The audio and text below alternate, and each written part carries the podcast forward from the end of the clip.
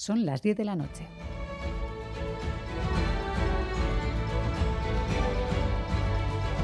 Radio Euskadi y Radio Vitoria.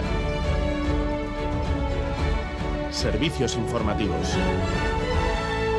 Repasamos los titulares de la jornada con John Fernández Mur, Gabón. Gabón, Miriam, noticias de este miércoles 22 de febrero en el que comenzamos mirando a don Iván Eloizune. Sí, en un instituto de San Juan de Luz una profesora ha muerto tras ser apuñalada por un alumno. El suceso que se investiga como asesinato premeditado ha tenido lugar en el Liceo Santo Tomás de Aquino. El presunto agresor de 16 años no tiene antecedentes. No había nada de lo que sospechar, según el ministro galo de Educación, Pape Ndiaye. Rien ne laissait euh, penser a euh, la survenue d'un drame aussi euh, épouvantable. Es un día triste, ha asegurado tras desplazarse hasta Don Ivane Loizune. Una alumna, testigo de los hechos, lo contaba así. Todo es normal.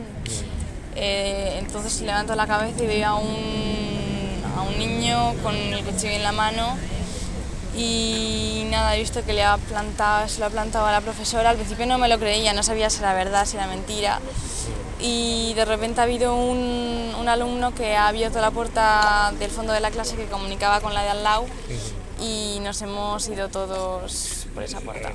No hay confirmación oficial, pero el joven al parecer tenía problemas psicológicos. Más de 50 víctimas de abuso sexual en el seno de la Iglesia vizcaína lo han denunciado al obispado. La comisión que se creó para investigar los abusos a menores en el seno de la Iglesia en Vizcaya ha abierto ya 32 expedientes por abusos cometidos en congregaciones religiosas, por sacerdotes de la diócesis y también en la Misericordia de Bilbao y el Seminario de Derio. Y en capítulo económico, Iberdrola también obtuvo beneficios históricos el año pasado. La compañía energética ganó más de 4.300 millones de euros, un 12% más, su récord absoluto. Su presidente destaca, en todo caso, que las ganancias han sido menores en España. Ignacio Sánchez Galán. Gracias a estas inversiones hemos incrementado nuestros beneficios hasta alcanzar los 4.300 millones de euros, a pesar de que en España nos ha caído un 19% consecuencia de unos costes más elevados de los precios energéticos que no hemos pasado a los clientes. Rusia y China hacen gala de su buena relación. El máximo representante de la diplomacia china se ha reunido hoy en Moscú con su homólogo ruso Sergei Lavrov y también con Vladimir Putin. Wang Yi ha insistido en la voluntad china de profundizar en la relación entre ambos países y ha subrayado que esa colaboración entre Rusia y China no está dirigida contra nadie.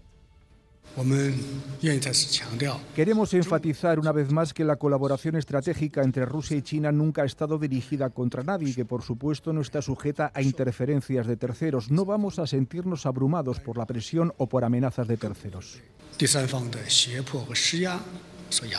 Putin también se ha mostrado satisfecho por estrechar los lazos entre ambos países en una reunión en la que, según el Kremlin, no han hablado del plan de paz para Ucrania que está previsto Pekín presente esta semana. En página cultural tenemos que hablar de un hito del cine vasco. El primer largometraje de la directora Laudioarra Estíbal Izurresola, 20.000 especies de abejas, obra participada por EITB, ha sido hoy proyectada en la sección oficial de uno de los festivales más importantes del mundo, la Berlinale. Su directora, Estíbaliz Urresola, se ha pasado esta tarde por Gambara. Ha sido tremendamente emocionante. La verdad es que ha sido un, breakdown, como un colapso eh, en el momento emocional, pues de por fin como también cerrar este ciclo ¿no? de, trabajo y compartirlo con el público un momento tan ansiado, tan deseado y que encima se dé con este cariño que lo ha recibido la sala y ha sido tan bonito eh, la proyección. Urresola ha explicado que el origen de la historia es eh, el suicidio del joven ondarroa Raikaile Sundi. Según Urresola, le inspiró la carta que dejó escrita en la que evocaba un horizonte más amable y más sencillo para quienes vinieran detrás de él.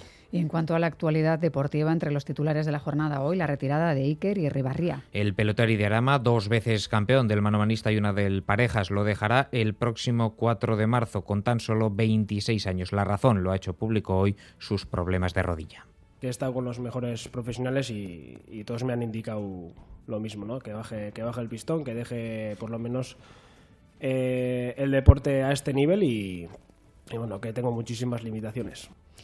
Así terminamos. Más noticias en una hora y en todo momento en itv.eus y en la aplicación ITV Albisteac.